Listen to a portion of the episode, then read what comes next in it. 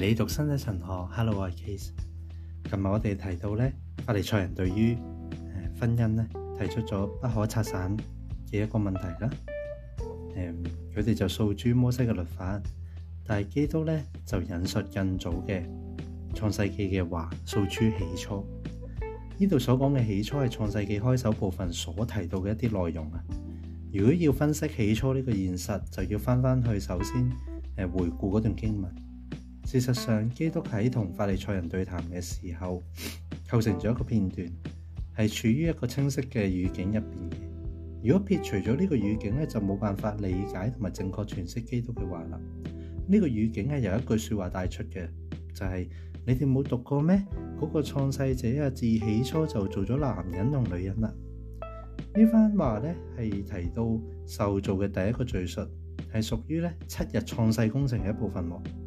相對嚟講，之後基督亦都同時引用咗另一段經文嘅，咁就喺創世記二章嘅一個語境，就係所謂咧人嘅受造嘅第二個叙述啦。而創世記嘅第三章咧，整體都間接屬於呢個第二個叙述嘅。喺概念同埋風格上咧，人受造嘅第二個叙述同埋最初嘅嗰種清白無罪啦，人嘅幸福同埋人第一次墮落咁樣嘅描述咧，係形成咗一個整體嘅。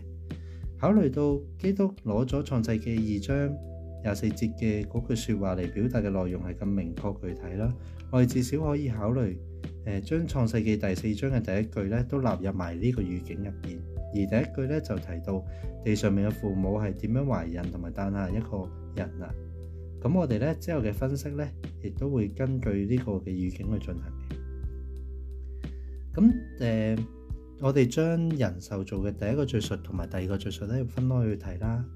從聖經批判學嘅角度嚟講，我哋應該要諗，我哋應該會知道咧，人受造嘅第一個敘述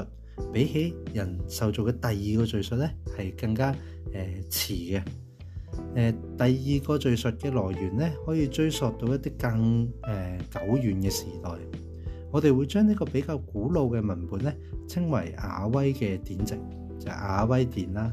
因為咧，佢用亞威嚟稱呼上主啊，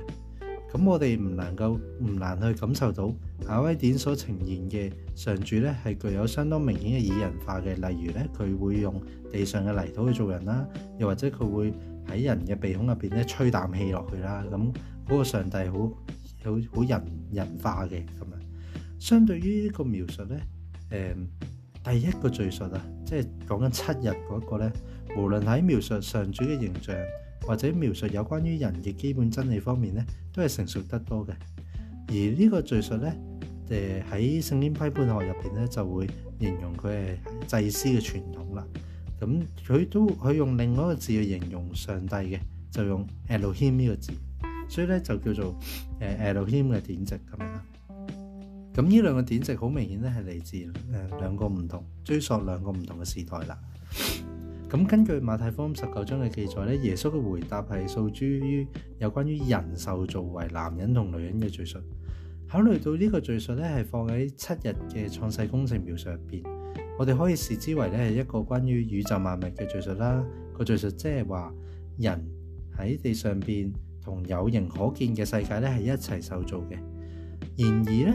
做物主同时命令咧人去治理同埋管理大地，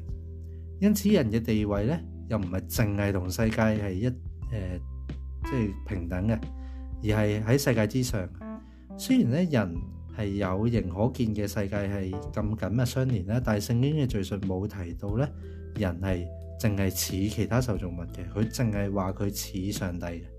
即係嗰段經文講上帝，於是照住自己嘅形象做人啦，就按住上帝嘅形象做人咁樣。七日嘅創世工程顯然係一連串嘅循序漸進嘅過程嚟嘅，但係相比之下呢人就好似冇喺嗰個一連串嘅過程入邊呢自然順序就即刻受造啦。做物主似乎呢令到人嘅存在之前呢就停一停。佢就提到：，唉，不如等我哋照我哋嘅形象去，诶，照我哋嘅模样去做人啦。咁好似要谂一谂咁样，好似系经过一啲反复思量先做嘅决定咁。样。虽然呢个有关创世嘅第一个叙述，按住时序嚟讲咧系较为晚期嘅，但系最重要嘅系咧，佢具有一种好神学嘅特色嘅。最能够显出呢个特色嘅就系人嘅定义咧，系同佢同天主之间嘅关系为依据嘅。系按住上帝嘅形象做咗人，呢个关系同时肯定咗，绝对唔可能将人咧贬抑为只系属于世界。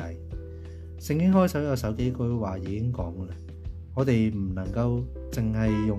诶世界咧嘅范围去理解人嘅全部深层意义。尽管如此啦，人都系具有身体嘅。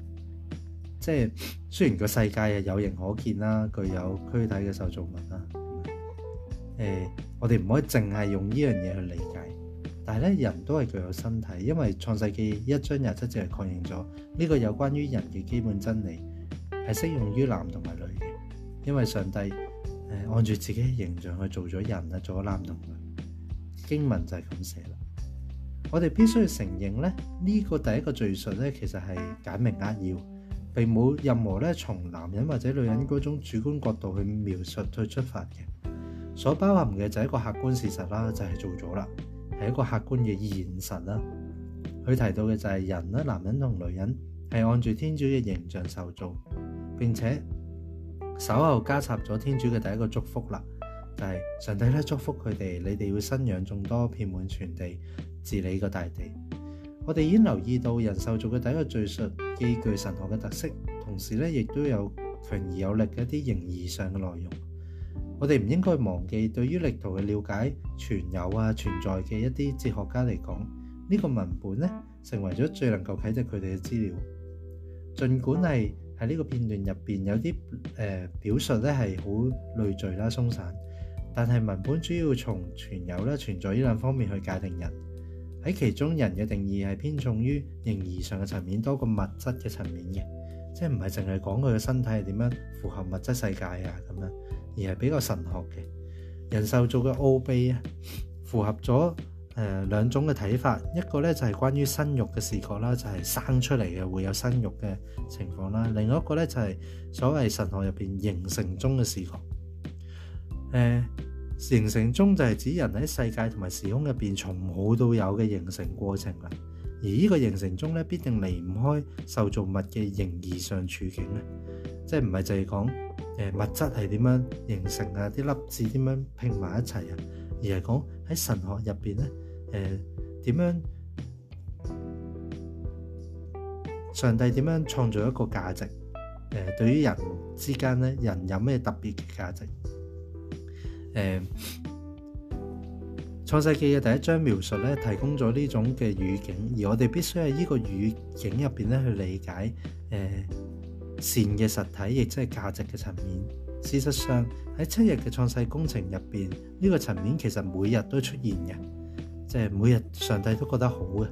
喺上帝創造人類之後咧，就達到咗一個高峰啊，就係話上帝見到佢所做嘅，認為樣樣都咁好啊，好好啊！因此，我哋可以肯定咁讲，为咗嗰啲主张存有同埋善系可以彼此对调嘅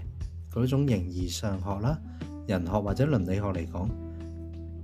创世纪嘅第一章已经形成咗无可置疑嘅参考指标同埋稳固嘅基础啊。即系存有同善啊，本身就可以对调。当然啦，诶呢一切同对于神学嚟讲咧系诶，同埋对于身体神学嚟讲咧尤其重要。咁我哋咧就暫時咧放低呢個誒第一個描述啦。我哋喺下一次咧就會提到創世嘅第二個描述啦。亦即係咧嗰個一般咧聖經學者認為咧個時序係較為古老嘅一個敘述。而頭先啱啱提到身體神學呢個字咧，我哋會喺之後咧再之後咧會詳細去傾嘅。咁啊，今次講到呢度啦，拜拜。